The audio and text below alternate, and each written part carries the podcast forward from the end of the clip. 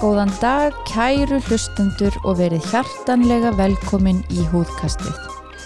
Húðkastið er podcast þáttur húðlagnastöðvarinnar um allt sem við kemur húð, frá húðvandamálum til fegrunar aðgerða og allt þar á milli. Við heitum Ragnar Hlín, Janna Huld og Arna Björk og við erum húðlagnar með brennandi áhuga á húðinni. Góðan daginn og velkomin í húkastið. Uh, ég, Janna Huld, uh, sitt hérna með kollega mínum, henni Rögnu Hlín og við ætlum að eiga hérna uh, notalega þátt með ykkur þar sem við fjöllum um fyllefni. Já. Það, já, Já, fyllefni er svona eitthvað sem hefur komið á síðustu árum alltaf meira og meira, meira vinsælt og ég held kannski að margir ruggla saman fyllefnum og bótóksi já, það er mjög algengt. Við fáum fólk til okkar sem að ætlar að fá fyllefni í enni eða bótóks í varir. Já, þannig að nú ætlum við að það var e, frábær þáttur hérna e, sem þið getur hlustað á líka ef þið hafið e, mikinn áhuga á bótóks og fyllefnum en þá voru einmitt Ragnar Hlín og Arnar Björn sem tóku fyrir einmitt bótóks eða tóksín Mm -hmm. e, nú ætlum við bara að fylla, e, fjalla um sem sagt fyllefnin Við ætlum að fylla ykkur að fyllefnum. Já, var ég ekki næstu búin að segja það? Jú. Nú ætlum við að fylla ykkur af upplýsingum um Um fyllefni. Já. En Nákvæmlega. fyllefni eru e, í rauninni þróið í byrjun sem e, náttúrulega, e, hvað maður að segja, lækningatæki. En í dag eru þið meður hér á Íslandi e, bara flokku sem lækningavara, Mm ekki sem lif Nei, sem þýðir það að, að notkun þess er mjög á reiki og ekki bundi við sem sagt heilbrismentaða einstaklinga. akkurat, það vantar svolítið reglugerðir hvað þetta varðar. Ólíkt bótóksnu eins og við fórum í, inn á í, bótókstættinum að, að hérna, þar eru mjög skýra reglur. Hverju mega nota bótóks og í hvað tilgangi en hvað var það fyllefni þá er þetta hálfgerður frumskóður. Já, við skulum líka einmitt að því ég heyra að þú segir bíorðið mjög mikið að kannski útskýra að við notum orðið toksín Mm. og það er ástæða fyrir því. Uh, við meigum vist ekki nota bótóksorðið að, því að það er í rauninni bannað að, uh, hvað maður að segja, tala um uh, liv mikið. Já, en við erum náttúrulega ekki að auðlýsa neitt, við erum bara, Nei, við erum bara að spjalla. nei, að því að við erum bara að spjalla en við tölum um toksín svona á heimasíðin okkar og, og samfélagsmiðlum og svona, bara Mm. svona útskýra að þetta er það sama. Þetta er það sama. Já, Já, já, við erum bara að spjalla en þetta er þetta er svona flokkurinn í rauninni. Akkurat. að því að tóksín getur verið bótos og það getur verið seumín og, og fleiri og fleiri og fleiri. Mm og fyllefni, það er líka margar unditegundir þar. Og uh, alveg ógrinni til og þetta er náttúrulega uh, núna síðislega ár uh, margar tegundi komið og, og sumar eru náttúrulega einfalla alls ekki nógu mikið testaðar á Nei. þenn að koma á markað Nei. Þannig að það er mikilvægt að velja réttu efninu sem er eh, búið að gera klíniska rannsóknir á, búið að testa uh, nægilega til þess að maður getur nota til að meðhendla hjá fólki því þetta er nú andlitið Mm uh, á manni. Það verður að vera í lægi. Það eru til náttúrulega yfir, yfir 200 tegundir af mismöndi fyllefnum og, og margar þessar tegundir er fólk að kaupa bara af Alibaba eða AliExpress eða whatever sko. Já og, og merkilegt núna eh, hvað það við gengið svolítið, sko, ég veit að Hilbers yfirvöld í Kanada Mm. hafa sett út svona viðvörun Mm. uh, bara warning að því að það er svo uh, ge- gengur svo það svo vinsalt hjá þeim hérna, þessi penni, Já. híalónik síru penni sem fólk getur bara keift mitt á Alibaba eða hvað þetta heitir og bara stimplað í rauninni með offossi Í varinnar. í varirnar og í húðina Já. og þetta er að valda svo miklum fylgikvöllum að, að það er, ég held að það sé ekki bara Kanada en ég sá þetta bara núna nýlega að þeir voru bara að setja allstaðar bara vorning um að, að, eh, að þetta er svo ungi krakkar akkurat sem eru bara að testa sig að stimpla ykkur svona í varnar á sér. Já, En eh, ef við förum svona svolítið í söguna, sögufyllefna, hvað eru fyllefni gömul? Hva, hvað er þetta búið að vera lengi til? það er mitt. Þetta var í rauninni, þetta er í rauninni, hvað maður að segja, hugmyndin kemur náttúrulega, uh, hvað, á uh, 19. öld eða Mm -hmm. eitthvað um þá leiti. Þá var að lækni sem tók fytu á handlegg og sett í andlit til að laga afmyndun í andliti. Þannig að hugmyndafræðin verið til lengi. Já, yfir hundra ár. Já. og þetta var að byrja með því að taka fytu og auðvitað er þetta enda gert í dag, fytuflutningar og er að aukast. Það er sem sagt uh, hugmyndafræðin verið mitt uh, lengi og hérna eftir fytuna þá hefur verið að hvað maður að segja, þreifa sér áfram með marskonar efni, marskonar ólík efni. Já, og það var fljótandi sílikon sem var um miðja síðustu öld og það var talsveit notað Já. og sjúklinginni fengu bara mikil viðbrögð. Já, getur rétt ímyndaðir, fljótandi sílikon að sprauta því bara aðskota fólk. hlutur bara Hræðilegt. framandi efni. En þetta var svo bannað sem betur fer. Sem betur uh, 1992 en þetta hefur samt þá verið í ansi langan tíma ef, það var ekki bannað fyrir 1992 og maður hefur nú heyrt marga hryllingsögur Maður hefur nefnilega gert það. af sílikoni Já, svo upp á 1970 þá var farið að prófa sig áfram með kollagen mm. og það var svona kollagen unnið uh, frá dýrum, eða úr dýrum og, og til dæmis kúm og þetta var líka svona svolítið sorgasaga kollagenið. Mm. Það fór ítla yfirleitt. Það með stund notað í varir og, og það myndaðist mikið svona bólguviðbræði svona e, í rauninni þá varanlega breytingar í, í, í vörun sem er ekki hægt að taka tilbaka. nei, það var ekki hægt að leysa þetta upp. Það er ekki hægt að leysa þetta upp. Þetta var var bara framandi hlutur. framandi hlutur og svo bólguviðbræði í, í, kringum og þá varstu bara komið með bandvesaukningu Mm. í vefin. Mm. En svo var það uh, hvað maður segja um, hvað er ekki 15 ár síðan cirka að hílóraksýran fyllefnin komu uh, á markað Það er eiginlega 20 ár. að 20 ár Já, og hver heldur að hafi komið fyrstur á markað? svíin.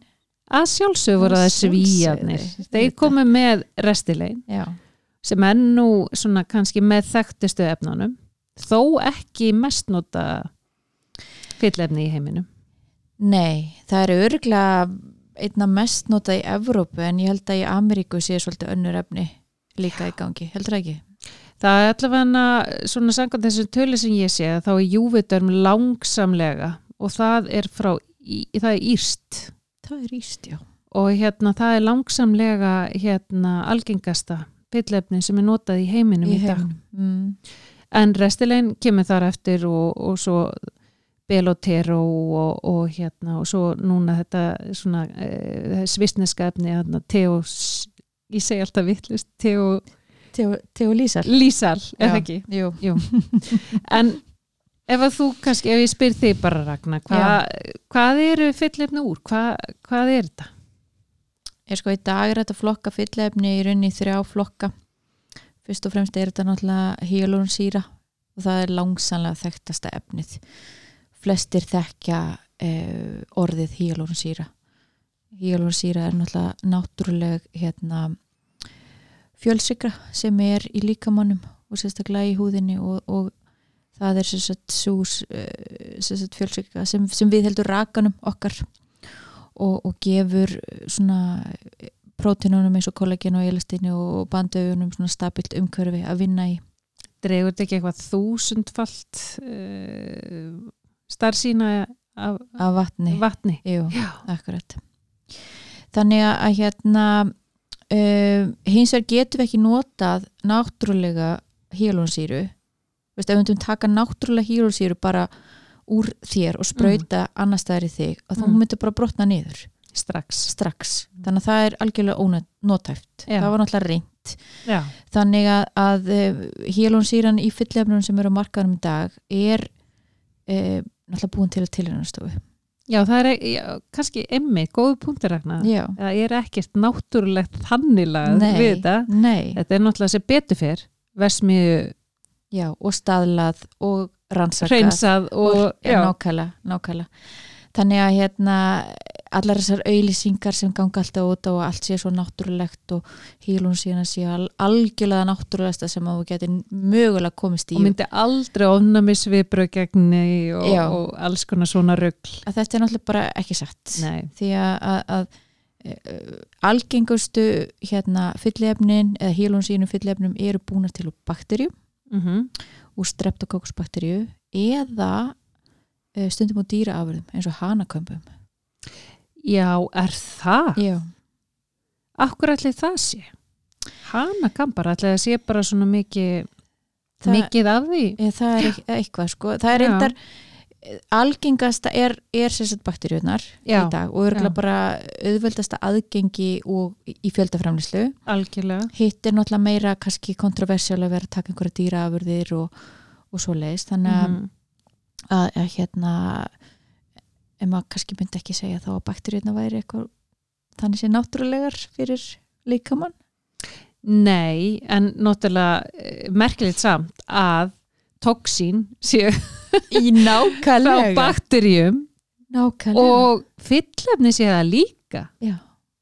finnst þið það ekkert svolítið mér merkilegt? finnst þetta nefnilega mjög, mjög merkilegt. Þetta vissi ég ekki. Nei, þetta er nefnilega að við fáum þessar spurningu svo ótrúlega oft fólk sem kemur til okkar segist hérna, vilja fá alls konar meðferð en alls, alls ekki bótox af því það sé svo rosalega ónáttúrulegt.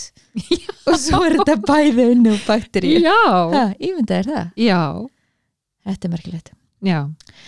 En allavega að, til þess að hílónsýran sé nótæf sem fyllefni að þá er hún krosstengt og, og þannig sagt fáum við þetta, gelkenda efni og, og hún er mismöndi krosstengt e, til þess að fá mismöndi tegundra fyllefnum og mismöndi stífleika í rauninni. Og, og, og þannig við hana líka til þess að endast þá lengur þannig að hún sé ekki brotið niður bara nokkrum dögum. Um, svo má geta þess að, að ákvæmnar tegundur af fyllefnum að því við, ég hef einu sinni fengið þessu spurningu ég veit ekki hvort þú fengið hana hvort að fyllefni séu vegan Nei, ég hef aldrei fengið þessa spurningu. ég hef nefnilega fengið það. Já, og þá, sem sagt, restilín, belotero teolísal og, og júviterm eru vegan. Já akkurat. Þannig að þá veitum við það. Þá veitum við það, það er ekki nú dýra afverðum Nei, Nei. akkurat, akkurat. En það er einmann svona, svolítið merkil kannski að að spá í, þú veist hver, hver er munurinn, hver finnst þér persónulega að vera munurinn? Restilegin, belotero þú veist, teosíal, er eitthvað munur á milli? Eh, góð spurning við höfum náttúrulega prófað öll þessi efni eða allar þessar tegundir um, ég held að þetta sé svolítið spurning um vana og að velja efni sem hendar hverju sinni Mm -hmm. þú veist, maður, maður velur ákveð efni þegar maður er að gera kimbein Mm -hmm. maður velur annað efni þegar maður er að gera varir Mm -hmm. ef maður er að byggja kjálkalínu og svo framvegist þannig að maður er ekki endilega bundi við eina tegund. Nei, alls ekki. Þeir reyna það náttúrulega sölumenninni já, Þeir reyna sölumenninni að maður kaupi bara eina vörulínu. Já, en uh, við algjörlega maður er búin að gangi gegnum við uh, erum búin að prófa ímislegt Já, og ég sjálf, ég byrjaði bara með restilegin mm. svo fór ég alveg yfir í júiðan og til dæmis munin á þeim tveimur er frekar mikilvægur sko. Að það er þessi nassa tækni já, sem að er þessi fyrsta tækni í rauninni já, restilegin og, og það er í, hérna, þá kannski aðeins líkar okkar náttúrulega náttúrulega já, að því að júvidermi er meira krossbundi mm en það er þá náttúrulega meira kannski þá meira gel eða mýgra sem er Akkúrat. náttúrulega það kostur og galla með hvoru hvori tökja mm En svo emitt, nú í dag er, er maður fann að vinna uh, meira með önnurefni, mm. Belotero og Teosíl, en við skulum kannski ræða það betur setna því að þú varst ekki búið með hina tvo flokkana hana Nei, með annars konar fyllefni. nei, ég var bara búin að nefna þess að hílónsýruna svo eru tveir aðri flokkar um, annars vegar uh, calcium hydroxyapatite sem að heiti líka radies mm. -hmm. að uh, skráðanafnið og svo poly L-lactic acid sem er þá einnig kallað skulptra eða þið hýrt þessi orð og, og hérna calcium hydroxyapatite þetta er rauninni bara efni sem er til staðir líkamannum þetta er það sem við, tennurnar okkar er gerðar úr og, og, og beinin og, og hérna þessi fyllefni uh, endast mikið lengur heldur en hefðbundu fyllefni en er náttúrulega ókosti líka að, að hérna það er, það, er, það er ekki hægt að leysa þetta upp eins og, eins og, eins og hílónasýruna Já. Þetta er náttúrulega líka svona kannski þróast með árunum að þetta var notað meira svona bara undir augu og svona á kannski svona krítisvæði fyrst þetta komið markað. mm. En búin að þróast kannski þessi seinust ár í það að vera bara svona húðþjætting meira. Notað í raunin á meira safe zone eða svona kinnar og- örugusvæðin þar sem þetta ekki með stórar slagaðar akkurat þannig að, finnst þið það ekki? Jú, það er búið að þróast meira út í það svona ör, örglega út af einmitt öryggi Akkurat, af því þú, þú getur náttúrulega í vandræðum Já. Og svo, svo er þess að poly-L-lactic acid eða skulptra er, er svona meira e, svona fjölliða sem er, er e, bara búin til á, á tilhjónastofu og, og þetta er efni sem er, er til dæmis líka notað í, í sauma sem að hérna e, þegar maður er að sauma saman í aðgerðum og, og beinaskrúfur og ímislegt slikt og, og þetta er efni sem endist ansi lengi Já, skuldra er mjög vinsalt í bandarækjanum sér maður, Já. svona mjög mikið notað þar og notað líka einmitt þá við uh, uh, við að stækka rass og fleira. Stækka rassa, jú. Já, stækka rassa. Svona mini Brazilian buttlirt ef að segja það. Nákvæmlega. En eh, svona það sem að, hérna, við höfum nú verið að vinna með fyllefnin í, í þó nokkur ár mm. þá er það náttúrulega svona einmitt eins og þú segir að maður byrja með prófa sig ánfram og svo vel er maður svona svolítið komin út í sitt uppáhalsefni í hverju. Já, og þar erum við einmitt eins og þú segir, maður er eiginlega með uh, úr öllum þessum vörulínum sem að uh, bandriska lífjastofnunin eða FDA hefur samþygt, við hefum nú valið að nota bara þannig fyllefni, ekki já, frá öðrum. Já, og það er þá þessi Restilein, Belotero Teosil og Júvitar já. Síðan það maður líka passa sig að því ég hef líka heyrt að hérna, það er hægt að kaupa kópjur af, af þessum efnum. Já. þannig að hérna eh, þessar asísku eða, eða kýmversku síður geta verið að selja efni sem lítur nákvæmlega eins út og er Já. jafnvel bara mert sem restilegin vara. Já, já, en er það svo ekki? Nei, þannig að auðvitað kaupum maður líka af viðkjöndum söluaðilum. Algjörlega. Og það líka svona til þess að útskýra að þó svo að þetta sé ekki skilgrend hér á Íslandi sem liv, að þá lítu við á þetta sem liv Já, við viljum vesla við lifja fyrirtæki eða aðeila sem að eru þá með lótunúmer á hverja einustu sprautu þannig ef eitthvað kemur upp á að, að þá e, látu við e, lifja fyrirtæki vita. Já það sé þetta rekja tilbaka þetta rekja tilbaka var eitthvað að þessari lótu, þessari framleiðslu ef það koma marga kvartani þannig að svona Mm. margir öryggisvendlar í þessu. Nákvæmlega. Og, og það eh, þarna er maður að fara að fara ef þú ert farin að kaupa einhver eh, hvað maður að segja eitthvað eftirlíkingar þá ertu nú aldrei komin á hættulega braut. Hálanís hála nýs. Nákvæmlega. En e, restileinið ef við tökum bara svona hvert svolítið fyrir sig tölum um kostakalla mm. uh, nú er í rauninni hver svona vörulína með ólíka efni Mm. og þau rauninni binda þetta þau eru þá í rauninni fyrir viðkvæmari svæði ef við tökum bara eins undir augu eða í varir og svona er þetta kannski þá minna bundið efni heldur en það sem þú ætlar algjörlega að byggja upp eins og í kinnar eða, eða eitthvað Mm. svo leiðis Já, og það er í rauninni öllum þessum vörulínum þá eru, eru þau sagt, e, mýgri og svo svona milli, mjúk og svo í rauninni þessi sem eru svona Mjög Já. og e, lifti áhrifin eru misjöfn Já, og svona minni reynslega þá finnst mér Belotero voljum lifta langsamlega mest af þessu öllu sammála því. og þarna er maður bara komið með e, sko efni sem þú verður að setja djúpt Já. ef þú setjað ekki nógu djúpt að þá fer það náttúrulega bara að lifta of mikið Já. í húðinni Þetta er tilvalið í kynbein þar sem það setur alveg nýra beini. og kjálka, Og kjálka, já. mjög gott þar mitt uppáhalsefni áður en ég fór að nota þetta var uh, restilinn lift Mm. í kjálkan og ég nota það alveg ennþá stundum en þú veist, þetta er svona eh, það nær, eða mér finnst ekki annað ná þessum alveg þessari liftingu eins og Bellatir og Voljum Nei. Þú hafði nú eitthvað prófa líka Júviten, hérna, Vobella. Já. Uh, Júvitum Voljúma var svona sambarlegt á þetta þá. Og það var alveg alveg ágættisefni eh, og, og hérna en uh, svona þessi léttarefni Volbella og, og hérna Volift að, ég var ekki einhvern veginn alveg nóg ánað Nei.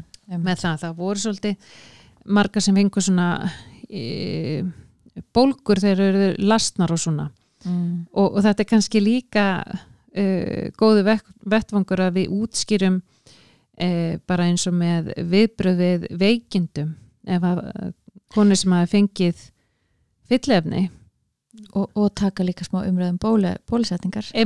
Mm. og ég kjölfara einmitt um bólusetningar af því að allir eru nú vonandi að verða bólusettir þessa dagana mm. að þegar maður kveikir bara í rauninni á ónæmiskerfinu, hvort sem að það eru alvöru veikindi eða gerfi veikindi eins og við Eins og ból, að þá í rauninni getur orðið svona bólgusvar í líkamannum Mm. og þá bólga í kringum fyllefni Akkurat. en þetta er ekki tættulegt og Og- þarf Og freka sjálfgeft. og frekar sjálfgæft og það þarf bara að vera í sambandi við eh, aðeinan sem að, að, að me, eh, maður fekk eh, meðhandlinuna Mm. til þess að fá þá viðegandi livjameferð Akkurat. Ég sá einhver tölur um þetta frá Ameríku hvað var það? Um, þrjár af hverjum veist þúsund eða tíu þúsund eða þetta var eitthvað svona fáranlega látala ég held af eiginlega bara öllum sem að fengu hérna moderna hana fyllefni í rannsókninni sem voru einmitt bólöfni já, bólefni fyrir ekki. Að, að það vo- voru sko þetta voru einhverju þrýr aðilar Já, af eitthvað, þú veist Það var svona fáraleg- þrjú þúsund fáranlega fjöldi sko, þannig að hlutfalli er mjög lágt. Hlutallega mjög látt og vel hægt að ráða við það. Já. þannig að þetta er ekkit panik. Ekki tættulegt að bara dempa aðeins niður bólgusvarið og þá er þetta bara allt í góðu. Nákvæmlega. Um, nýjasta svona eh, efni sem við höfum verið að prógra fram er þetta Teosial sem er frá Sviss. Já, spennandi efni. Ótrúlega spennandi efni. Virkilega gaman að vinna með þau. Mm. eða mér finnst það, Ég er sammála, æðislegt í varir. Undir augu. Og undir augu. Bara, það klálega, klálega mitt upp á sefni þar. Þessi tvö svæði eru hérna já, Já. þetta er svona vinnir á þess, þessum tveim svæðin Já. Og mjög algengt vandamál í dag þegar nú hefur verið hvað maður að segja uh, fyllefni undir augu. Já, þetta er náttúrulega þetta er lang erfiðasta svæðið að miðandla bara algjörlega. algjörlega. Þetta er, kemur oftast vel út og en getur verið tæknilega erfitt því að þú ert eitthvað aðeins og utalega mm. að það er sko það er engin miskun Nei, ef þú bara missir smá dropa að þá er bara getur verið komið bjúur og það sem við kallum tindaleffekt mm tindaleffekt er þess að þegar að, að, að fyllefni er komið allt of grund í húðina og maður sé svona bláma maður sé Mhm. svona mótæla fyrir efninu og maður er fann að sjá þessi tindaleffekt hjá allt á mörgum Já. og en ekki örvenda ef að þið kannist vita ef þið að hlusta og þið hugsi bara ok, ég teki eftir þessu bláma því það, það er ekkert mál að laga þetta. Nei, það er að leysa þetta upp. Það er bara hægt að leysa þetta upp og svo byggja upp aftur. Akkurat. Þannig að, að ekki panika yfir því og, og, og mun betra þá að láta laga þetta heldur en að vera með þetta. Þetta getur verið mörg ár. Algjörlega, algjörlega. Er nefnilega svolítið algeng mýta að fyllefnin eyðist bara mjög stuttum tíma Það er ekki þannig Þetta er náttúrulega í rauninni komið út, út frá klínisku rannsóknunum. mm. Fyrirtækin setja fyllefna á markað, ekki satt? mm. Þeir gera klíniska rannsóknir og þær eru í átjá mánuði eða eitthvað. Mm. Svo er það búnar. Akkurat Og þá kemur, þá kemur endist í 12 til átjá mánuði. Já. Af því þeir fylgja einstaklingunum í rauninni ekkit meira en það. Mm. Svo náttúrulega í dag vitum við það að það eins og sérstaklega undir augu og svona, þá getur það varið náttúrulega munlengur. Já, ég hef séð konur með svona um, hérna tindaleffekt eða bjúg eftir, eftir sko nokkur ár Já, stundum eins og þarna og ég myndi segja bara endilega láta laga þetta fyrir en setna mm. að því að þarna gæti orðið í rauninni þrýstingur á húðina Mm. og húðin farin að, farið að þennjast meira tóga húðin meira tógu húðina þannig að þú ert í rauninni að svolítið búa til lausa húð mm. Mm. og þá í rauninni þarf kröftu að afla til að leysi með fyrir rauninni bara til þess að laga það þannig að þá ert að skapa svolítið annað vandamál annað vandamál, já en eh, ef við ræðum svona bara Ragnar nú kem ég til þín og ég bara mér langar að fá fyllefni mm. Hva, hvað myndur þú segja við mig? sko. Bara nei, þú mátt ekki fá fyllefni uh, ég segi stundu nei við fólk. Það er alveg reynu það er nefnilega mjög mikilvægt að, að vita það að maður segir oft nei. Já, já, já, já, og fólk er að fíla það. En ekki segja nei við mig. Nei, ég segi nei við því nei. Nei, au- auðvitað þarf maður bara meta óskir og væntingar fólks hvaða líkansvæði fólk hefur áhyggjur af eða, eða pyrra sig á uh, hvort við komum til að sé kandidat í Mhm. meðferð uh, er einhver, uh, einhver sjúkdómi til staðar, einhverjir sjálfsónum í sjúkdómar eða eitthvað svona sem að getur haft áhrif á hvaða vörum að velur Mhm. uh, er við komandi á einhverjum livjum þarf að Mhm. taka tillit til þess, er einhver blóðþunning í gangi og svo framvegis Mhm. Eh, þannig að það, það fullt af hlutum sem þarf að aðtuga áður um að fyrra að, að meðhundla einhvern með fyllefnum Akkurat, það er nefnilega málið og þetta var bara alveg fullkomi svaragna ég, Ekki? hérna, Jú, ég bjóst ekki við öðru af þér sko. en hérna eh, ég byrja alltaf svolítið líka bara einmitt, eftir að maður er búin að fara í gegnum þetta að svolítið sko eh, leggja áherslu á uh, þjættleika húðarinnar. Mm. almennt áður en ég byrja meðferð með fyllefni ertu ekki sammála? jú. Bæði þá koma meðferðinu með fyllefni betur út já, og líka semst þá þarf maður að nota minna. Já af því það, það er oft ekki nóg að laga bara einn hlut þetta er svo margþætt þessi öldrun sem við erum marg búin að tyggja. Þetta er ekki bara hérna að fyttu búðarnir minka heldur verður húðun slappari og elastínið tegjanleiki húðarinn minkar og kollaginni minkar þannig að það þarf er, það þarf að vinna á öllum hlutum til að ná þeim árangur sem maður vill, Akkurat, er það ekki? það er nefnilega sko líka bara, þú veist þannig að þetta verði náttúrulegt og, og, og sem fallegast útlitt og bara líkast þér. Akkurat, þannig að sko það oft beini ég í svona húðþjætti meðferðir já, ólíkt bara eftir hverjum einum og, og bara fjárhag og fleira í Mm. hvaða meðferð til þess að reyna að ná svona allavega eins mikill í þjættni í húðina áður en maður byrjar í, í fyllefnunum að sjálfsögðu náttúrulega ef þetta eru konur undir færtugu þá þarf, þarf þess nú yfirleitt ekki. En, en það er bara mjög einstaklisbundið mjög. Uh, og, og Ég, mjög, rey, ég reyni líka að koma öllum konum sem þóla retinól inn á þau. Já, akkurat. Góðu punktur. Ég, ég skal bara segja, ég hafi ætlað að fara að segja. Já. Nei. Nei, þetta er náttúrulega mjög góðu punktur. Já, koma inn bæði einmitt uh, húðþjættleikan meðferðir eitthvað til þess að auka þjættleika og uh, húð meðferðir heima. Já.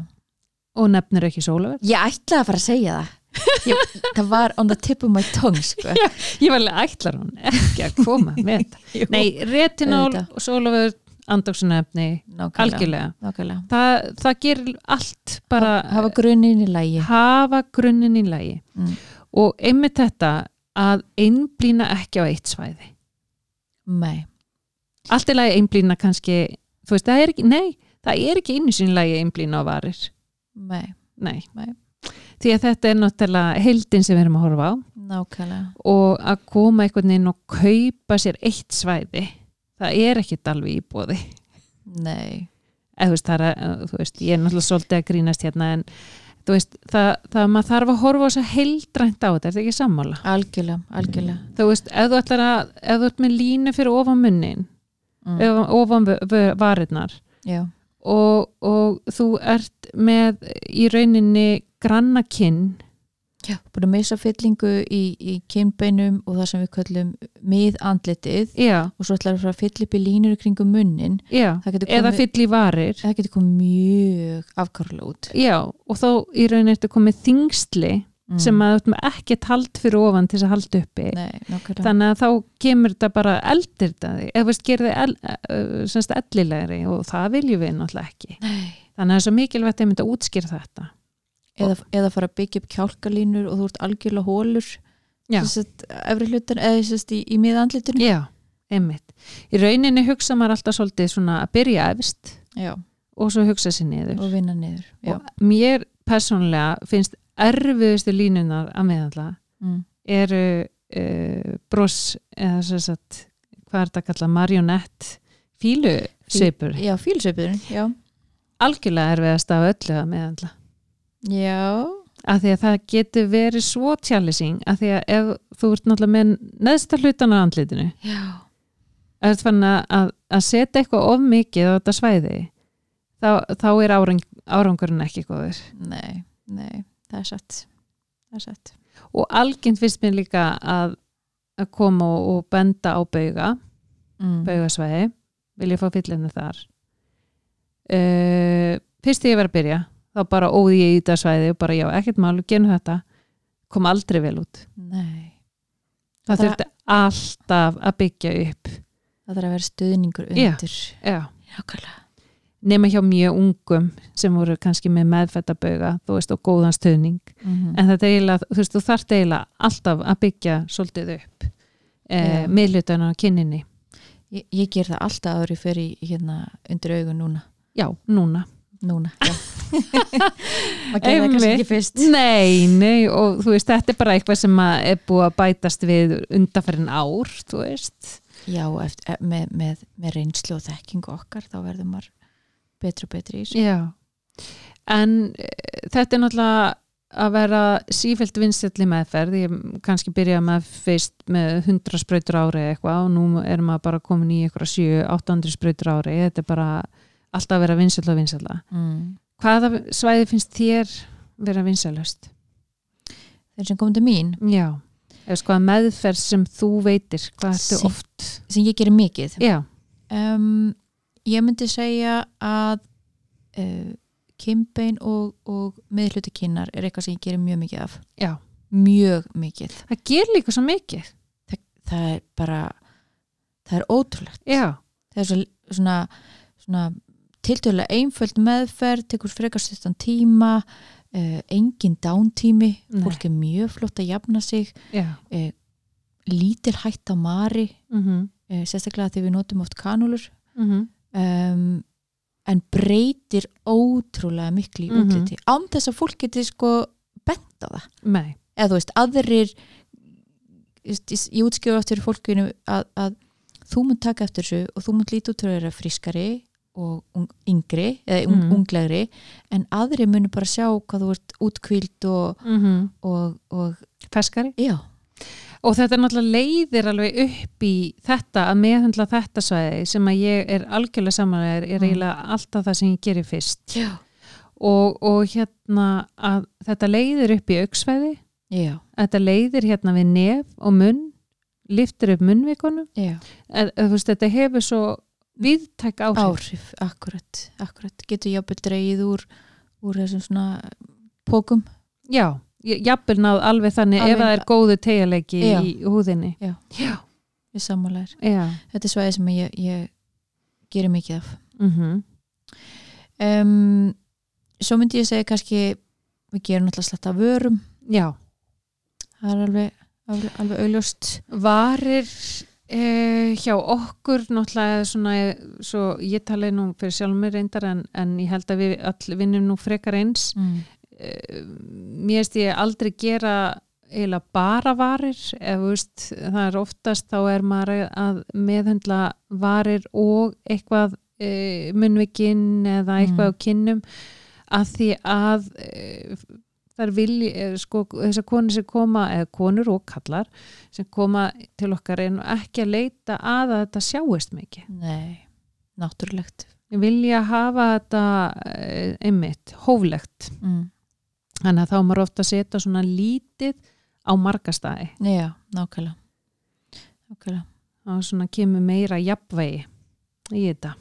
Svolítið svona bara endurstilla andlitið eins og fólk var mm -hmm.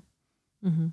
og, og margir sem koma uh, út af því að þeir hafa smá sem að bara mistfyllinguna í vörum eins og gerist hjá okkur öllum með aldrinum Mm. þannig Mhm. að fólk er yfirlt ekki að leitast eftir einhverjum andarvörum eða einhverju svona Nei. svakalegu heldur bara einhverju náttúrulegu Mm -hmm. sem ég held að við séum bara þokkulega góði sko þú veist, þó ég segi sjálf frá já, þú mátt það.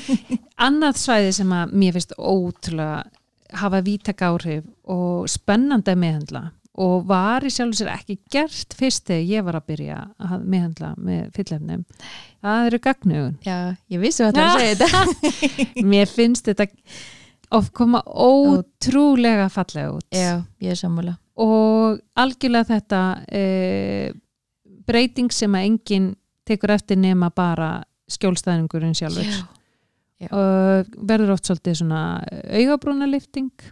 Já. línan e, sem sagt í rauninni hotnið á auganu e, hvað maður að segja sem er mest hliðilagt sem vísar út það liftist oft. Maður getur fengið pínu svona eyebrow-lift Já, maður getur það og hérna og sérstaklega kemur þetta náttúrulega flott á einstaklun sem er komið með svolítið brík eða svona bóni eh, lúk sko. Já, og það er svolítið holt. og holt þarna, einmitt flott íslenskt orð takk. Já. og hérna, mér það líka hafa ótrúlega vítak áhrif og þetta er svona algjörlega mitt uppáhald svona í, grunninn, mm byggja upp þetta ger mikið ótrúlega mikið. gagnaugun og, og uh, miðluti í kinnar og kinnbein. Sammála, Þannig að þetta er svona, og svo er náttúrulega alltaf klassist að vera eitthvað bauga, ég er eindur orðið mun, mun svona, eh, hvað maður að segja, dugleir að, að segja nei. Já Við höfum nú haft þessa umræðu Janna mín margóft um þetta svæði.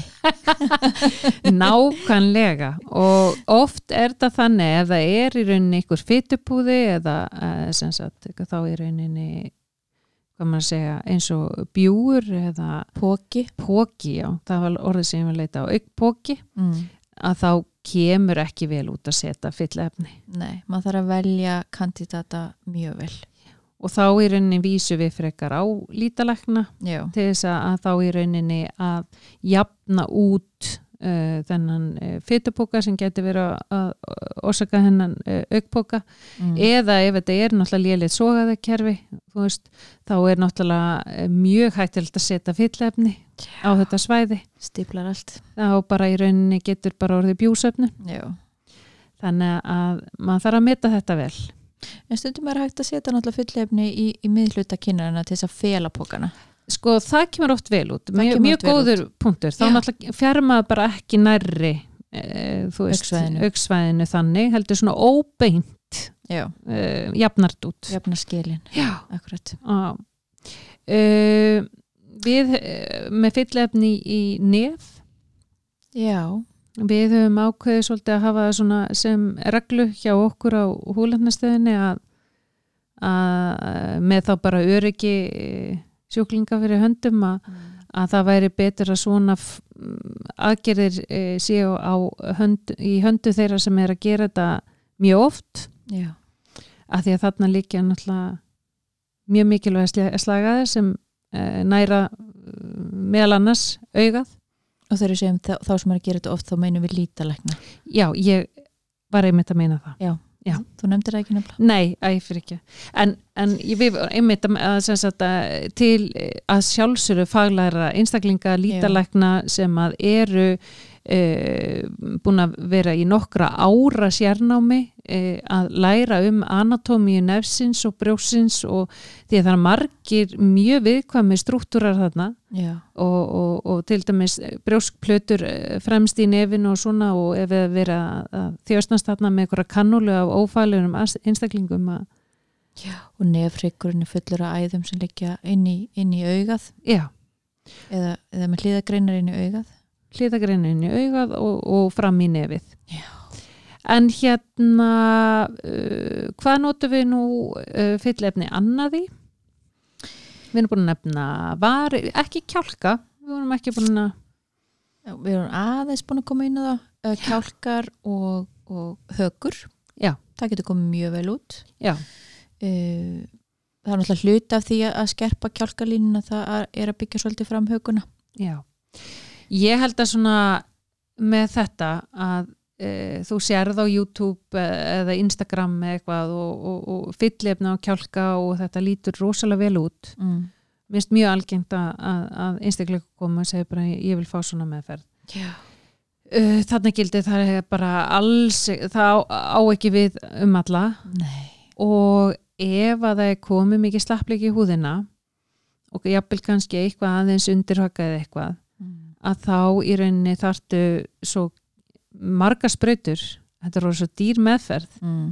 að, að hérna, þá kemur einmitt þetta að vinna svolítið með að, eh, því að þjætta húðina og jafnvel þú veist húðþjættingina að, að vinna eins og undirhauku eða, eða belkýra og, og, eða fytusó E, já, ég ætla að fara að segja eða vísa bara til lí- lítalækna Já. sumur þurfa bara hreinlega að fara kannski í mini facelift Já, og, og þá verður hægt að byrja þar og, og svo, svo fínesa akkurat, akkurat. með kannski fyllefnum mm. því að það er náttúrulega, ef þú er komin í einhverja fjóra, fimm, sex sprautur þá er þetta náttúrulega bara orðið afskaplega dýr. já, og svo þarf þetta að koma í viðhald Já. Já, það er ekki varanlegt. x mánuði eða eitt ára eða eitthvað slis Já, akkurat, þetta er engin töfra meðferð. nei, nei, nei, nei, ég held nú að fólk gerir sig grein fyrir því Algengustu aukaverkanar. Heyri, já, um, eitt sem við, við nefndum ekki. Já, hérna, tölum aðeins um enni og fyllefni já, ég er náttúrulega bara að tala aldrei um fyllefni og enni, ég set aldrei einhvern veginn fyllefni í enni. nei, ekki heldur. Rosa lítið allavega hana. en við fáum hérna fáum mikið af fólki til okkar sem byður um fyllefni Já, í enni og reyðurhuguna já, ég veikinu það, ég set einstaka sinnum smá fyllefni í reyðurhuguna uh, en þá kannski eftir ég er búin að nota botox í ár fyrst til þess að veikja vöðvan og ná niður uh, svæðinu já, þetta er ekki sammála? jú, algjörlega. Og það stundu þar smá fyllefni til þess að ná upp, uh, hvað maður að segja, samvexti. Já. ef að eh, hún reyður ykkur nefnir orðin djúp og Mhm. þá er hún kannski alveg búin að grafa sig onni Mm. í gegnum húðina og þá þarf stundum að losa og þá er gott að nota kannski pínu fyllefni en viltu segja af hverju við notum lítið af fyllefnum á þetta sveiði? Já, algjörlega um, þar sem fólk kannski gerir sig ekki grein fyrir að, að, að þetta svæði sérst milli augabrúnina og nef líka er, er svo kallið svona hættur svæði þegar kemur að fyllefna meðferð það eru um, stórar æðar slagaðir sem að uh, nú er þetta að lýsa þessu svona í gegnum hérna með röddinni en, en það koma sér satt niður miðlagt hjá augabrúninni og, og inn í augað og, og fara sér satt svo upp á, upp á ennið og, og, og þetta eru æðar sem næra sér satt vefina á enninu og svo koma þess að hliðagreina sér satt eins og ég sagði liggja inn í augað og saminast æðum sem að næra augað sjálft mm -hmm. þannig að, að ef að fólk lendir inn í æð á þessu svæði Mm uh, nef, hryggur jafnvel nef uh, og, og milli augabrúnuna og enni stundum -hmm. að þá geta sagt stíplaðina Mhm. og tappin fara á stað inn í augað og, og þetta hefur leitt að sér blindu Mm -hmm. þetta er ekki sem betur fyrir hérna, fjöldamörg dæmi í heiminum en lang flest tilfelli af þessari aukaverkun er eftir fyllefna meðferð á þessum svæðum. Algjörlega. Og í rauninni annað hættisvæði er í rauninni svæði hérna við hliðin á nefinu það sem Já. við kallum nasolabial fold Já, en því þar liggur náttúrulega andlit slagæðin já, og kemur svona í rauninni frá hálsinum og upp hérna með fram. Og liggur svo upp á, upp á, upp á ennið. Upp, upp, upp á nefið og, Já. og, og, og ennið einmitt sama æðin, þannig er hún svolítið nærri meðferðarsvæðinu sem að er oft meðhundlað við nefið hérna. Við svo sem erum að meðhandla þetta svæði mjög mikið en við notum við meðhundlað það mjög mikið en maður þarf kanólu. að passa sig verulega þarna. Og nota, nota, og nota kannólu Já. en, en hérna mér finnst líka ekki bara hvað maður að segja ástæðan fyrir ég nota ekki bara þú veist, með fyllefni þarna er að mér finnst þetta líka ofta ekki bara kosmetísk koma ná að fallega út Nei, þú ert að tala um kannski meira ennið sjálft Þver, Eh, þverlínutnar með það er sett á mikið. Já, eða settum ekki, jú, jú. Að þá er bara, sérðu þetta bara á vangasifnum, að það er bara eins og hot já, ég samála því. Og, og, og þetta gerist oft eh, þú veist eh, helst í mörg ár. Já, og verður líka svona eins og halgir ofólkun já, mér finnst þetta ekki þér. Þannig að þú veist bæði það er hættisvegi svo finnst mér þetta bara kosmetist ekki koma kannski nógu fallega út. Líka það að uh, þegar fólk er að sprauta í þverlínunar á enninu, hrukkurnar bara á enninu að þá getur þú lendið því að þú fá svona bugðótt enni já og þú veist þetta eru sterkir vöðvar og þetta reyfist Akkurat, þú veist ekki að hafa áhrif á vöðverknuna nei, ég meina gelið reyfist Akkurat, og þá getur það farið og runnið á okkur staði sem þú vilt ekki. Fyrir utan það, ef þú ætlar að fara að fylla allar þessar línur, þú þarf gífilegt magn mm. af fyllefni Mm. en maður heyrir oft sko uh, og þú kannast öruglega við það að uh, almennt held ég að fólk telji fyllefnin vera örugari já, en tóksín já. og kemur og segir að það vil ég fá náttúrulega Mm. meðferð með fyllefnum uh, þarna er þetta í rauninni þú ert fyllefni er eins og við rættum hérna á þér það er ekkert náttúrulegt við þau þannig við erum að herma eftir náttúrulegu efni svo Mm. sannarlega Akkurat. en það er ekkert náttúrulegt við gelið í sprautunni þetta er versmiðu framleitt. Og í, þú veist eh, þannig að að, að hérna eh, hvað maður að segja, þetta er aðskotarlutur mm. þess vegna getur hann verið hættulegur ef hann fyrir á ranga staði Mm. að því hann getur lokað að þar toksinin er lif sem er í vatni mm. getur aldrei lokað fyrir neinar æðar er ekki aðskotarlutur þannig að þú sér aldrei þessar aukaverkanir af toksinum enga lífsættulegar aukaverkanir. Nei, það versta sem kemur fyrir eða þú ert að sprauta tóksinum og, og það lendur að villan stað í andlitinu eða þú sért að fá tímabundan lömun á okkur vöðum sem að sem að gengur svo tilbaka. Já, svo er, er efni bara farið. Mm. en svona annars uh, í rauninni finnst mér merkilegt með við það hvað andlitið er æðaríkt. Já. hvað við fáum í rauninni kannski ekki mikið af mari Nei, það er eiginlega ótrúlegt það er eiginlega ótrúlegt Skulum sína á Instagram í tengsluna þátt hérna svona mynd af æðum í andliti akkurat, þú varst með hann um daginn, var ekki? Jú, ég er með svona mynd Já. Þannig að það er magnað að sjá hvað mikið af æðum út um allt Já. í andlitinu og, og það er eiginlega ótrúlega hvað í rauninni með þjálfuninni að maður er fann að velja ykkur að punta mm. sem að eru greinlega ekki sem eru safe en þetta bara að því sögðu mm. maður getur aldrei lofað að koma ekki nei, aldrei. Og hérna maður, maður vonaði að besta en ég held alltaf ef að ef að ég er hálfbörti búin að lofa að það kom ekki mar Þá við komandi er á leiðinni í matabót til tengdafóruðra um kvöldi eða í fyrsta skipti eða brúkaup á morgun á eða eitthvað Já, eitthvað eða á date og þá er þá yfirleitt, þá kemur mar Jöp. það, það, það bara liggur í bara Loftinu. loftinu. En það er svona algengasta aukaverkun myndi ég segja. Uh, það Já. er mar á stungustað.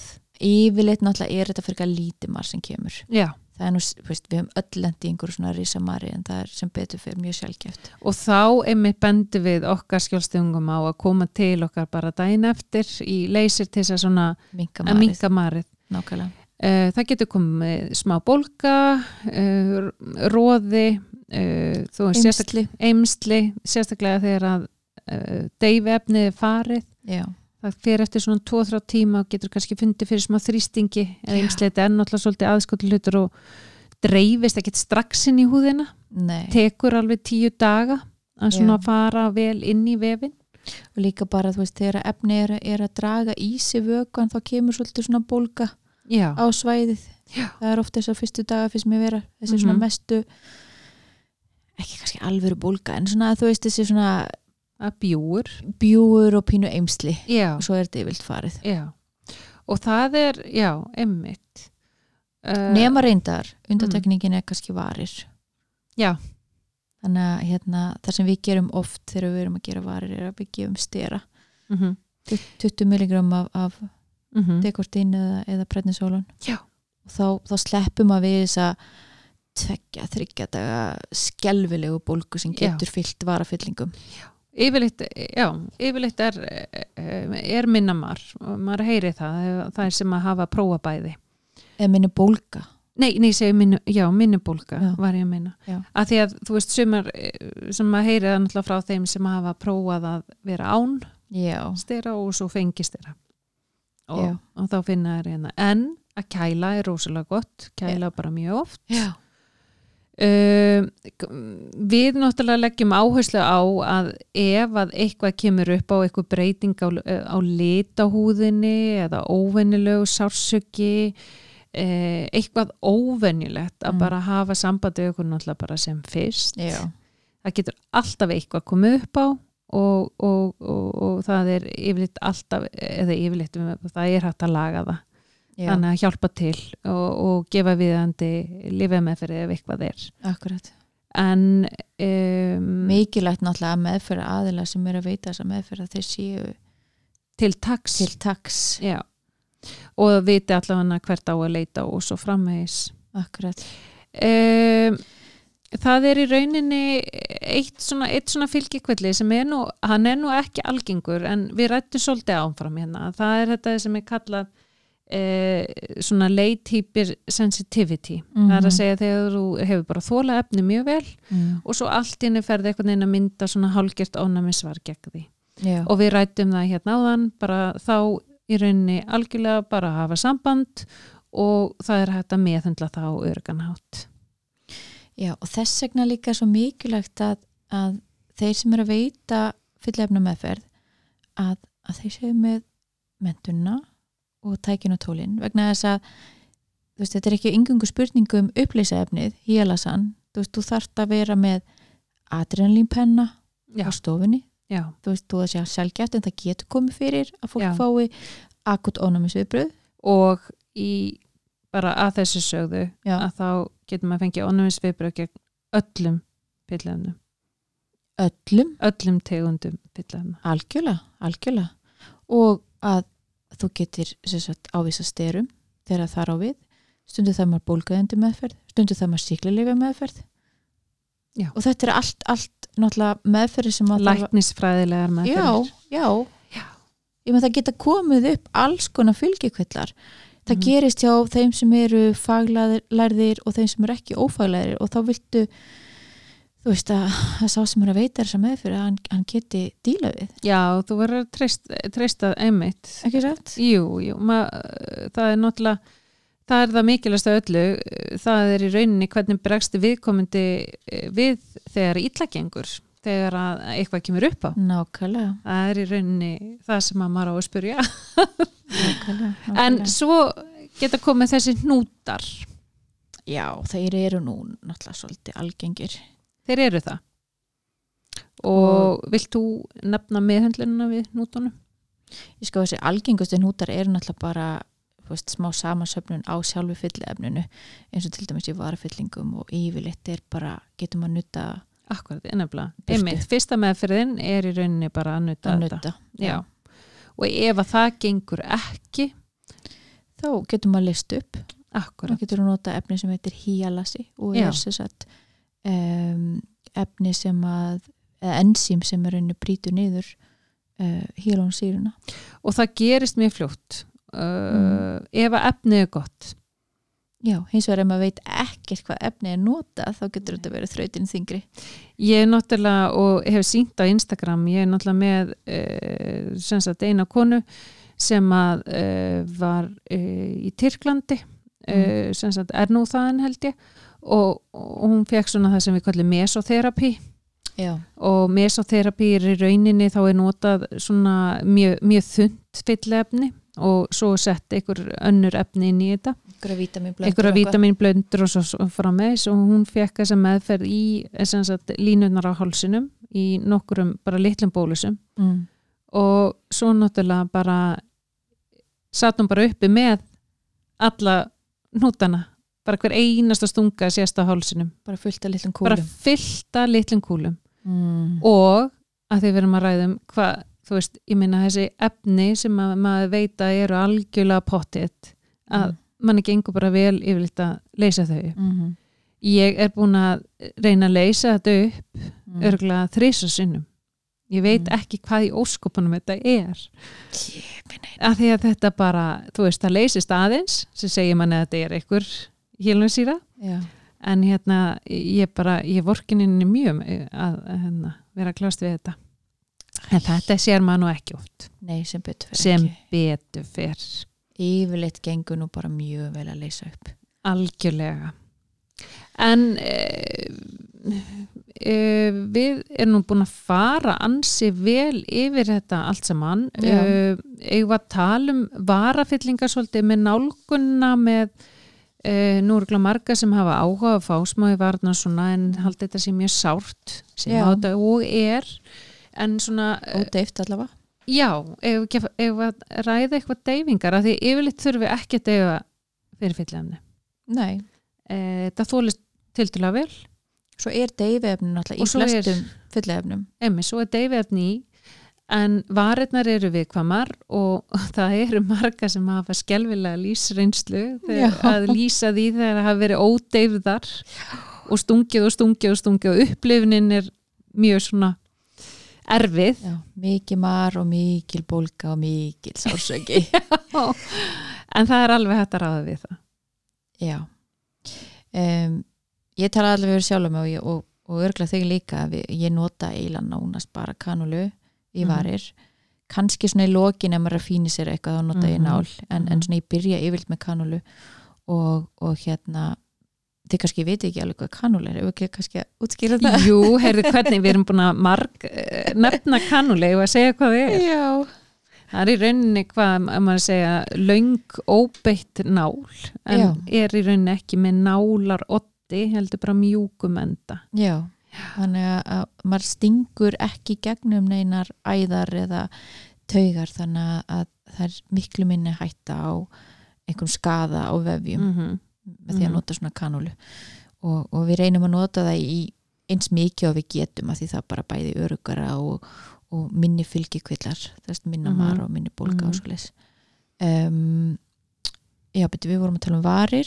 Já. Við notum oftast kanúlu og fínir sér svo með nálinni af því að sko, eins og nefndir að fyllefnir er yfirleitt með deyfingu. deyfi efni í. og þá er maður búin að koma að staðsmá deyfingu ef maður þarf eitthvað svona fínir sér í lokin. Uh, ég set, set reyndar alltaf uh, deyfingu í munnvíkin já, bara staðdeyfingu venjulega. Um, áður í byrja uh, en svo náttúrulega bjóðum við upp á tannlæknadeyfingu. Akkurat fyrir, fyrir þá sem eru kannski ekstra vikamir eða þeir sem eru mjög hrættir við sásöka, eitthvað svo leys það er alltaf einhverju sem að þykja hana mm. og hérna náttúrulega kosturinn við hana er að þú finnir bara ekkert fyrir þessu Mm. en ókosturinn er náttúrulega að þú verður mjög Já. og ég var einmitt með eina konu núna í vikunum við hlóum mjög mikið því að, hún deyðist eh, svo mikið í vöðvanum það? Eh, sem sagt hún fekk skakt bros. Já, svona alveg ekta. Já og hérna þannig að við vorum að reyna að meta sko eftir meðferðina með hvort það veri ekki jafna varnar og svona. Já, og við hlóum og hlóum því við gáttum það ekkert því að hún var bara hérna, ekki ójöfn, ég aldrei sé svona mikil viðbröð en þetta getur gerst. En svo sé ég hérna bara setna þegar að búið að jafna sig en, en við hlóum mjög mikið að þessu. Og þá, þetta er alveg í tvo þrjá tíma. Já, akkurat. En það er náttúrulega eins og bara að fara til tannlæknis. Maður er veldofinn Nákvæmlega. En svo er náttúrulega emlakrimi líka. En ég er svona eh, mér finnst maður yfirleitt einmitt eins og þú segir ná að ráða við e, deyminguna með að deyfa aðeins í munnveikin kannski mm. og kæla. Já, akkurat. Akkurat. En en allavega þá er hægt að sníða, sníða deyfinguna hverjum einu Já, það er bottom line. Já, um, erum við ekki svona búin að svona, hvað maður segja, skauta yfir það Jú. helsta? Uh, kannski að við nefndu kannski ekki alveg hver lengi þau vara. Þú veist Já. hver lengi, hver meðferð val, varir en það fer svolítið eftir uh, líkamsvæði. Já, og hvað efni er notað. Já, Það getur verið allt frá bara tveim, þreim mánuðum og upp í, upp í tvö ár, myndi Já. ég segja og mér finnst svona af þessu öllu búin að vera að eh, fara úr restileng kiss uh, yfir í volbella yfir í kiss frá ykkurum öðrum og kiss frá öðrum og bla bla bla. Mm. uh, skiptir engum máli hvaða efni ég nota í fyrsta skipti. Nei, skiptir ekki máli hverða er sem sprautar í fyrsta skipti. Það varir ekki mikið lengur en 4-6 mánu já, akkurat. Og þetta er bara þetta er bara svona, maður veit ekki af hverju en það er bara eins og það eyðist til að fljótt. Já, fyrsta skipti. fyrsta skipti, maður verður að vera viðbúin því að þetta fari til að fljótt. Já, uh, annars skipti já, Ég, ég, ég ætla að fara að segja það, það, maður þarf náttúrulega ofta að byggja upp varir yfir tíma. Það Já. þýðir ekkert að koma í eina fyllingu og ætlast þess að þetta með endast í, í heilt ár. Það er bara ekki þannig nei nema að það sé sett eitthvað efni sem að, er uh, eitthvað uh, hvað maður að segja hálf varanlegt Já, sem er eitthvað mjög mikið bundið og þá er þau oft uh, mjög ónáttúrulega að líta með vörunum því þá reyfast þau ekki eðlilega með vörunum. mm. Þetta er bara eins og pulsa.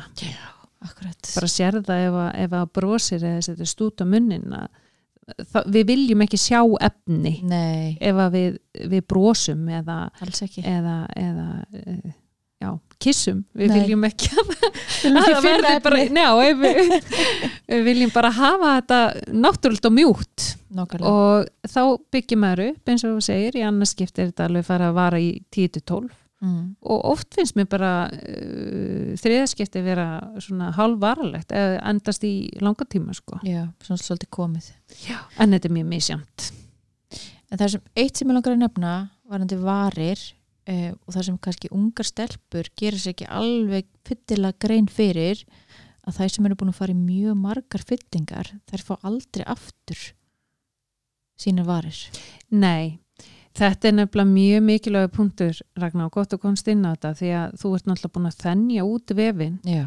og, og hann mun aldrei fara alveg í náttúrult uh, horf ef þú ert búin að þennja hann út fyrir mörg þíns eðlilegs og, verður. og það er búið að myndast hinn eigin bandvefur í staðinn jafnvel Já. þó að töluvert að fyllingunni sé farin Mm -hmm. að þá ertu komið með svolítið svona þjættan bandvef Já, þú er bara komið með varanlega breytingu já, á vörunum og þess vegna er þetta nú sem maður er ekki, þú veist, bæði það ef þú ert á offilla þá ertu náttúrulega er eh, hvað maður að segja, efnið runnið út fyrir varirnar. Já, kringum varirnar kemur þessi hvíta lína eða goggur.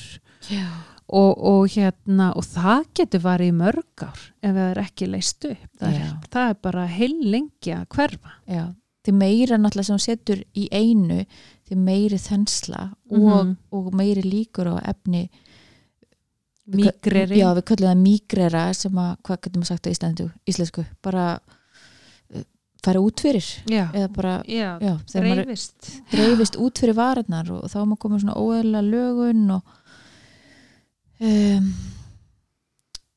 já, svo eh, bara eins og með allt þarna mjög mikilvægt að geta sagt nei mm, og þú veist eh, að því að, að þú verður einmitt að velja þér meðferðarlega sem þú treystir að spegli þig.